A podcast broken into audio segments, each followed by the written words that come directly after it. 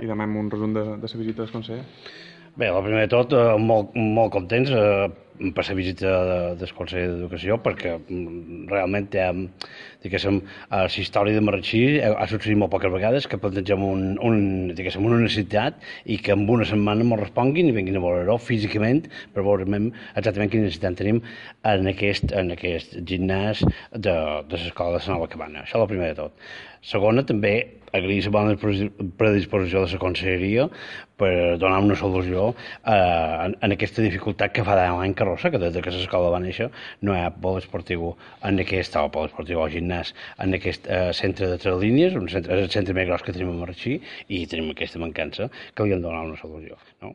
I en aquest sentit també dir que l'Ajuntament també s'ha oferit a la conselleria per treballar, conjuntament per, perquè sigui una realitat amb, amb, amb un espai de temps relativament breu.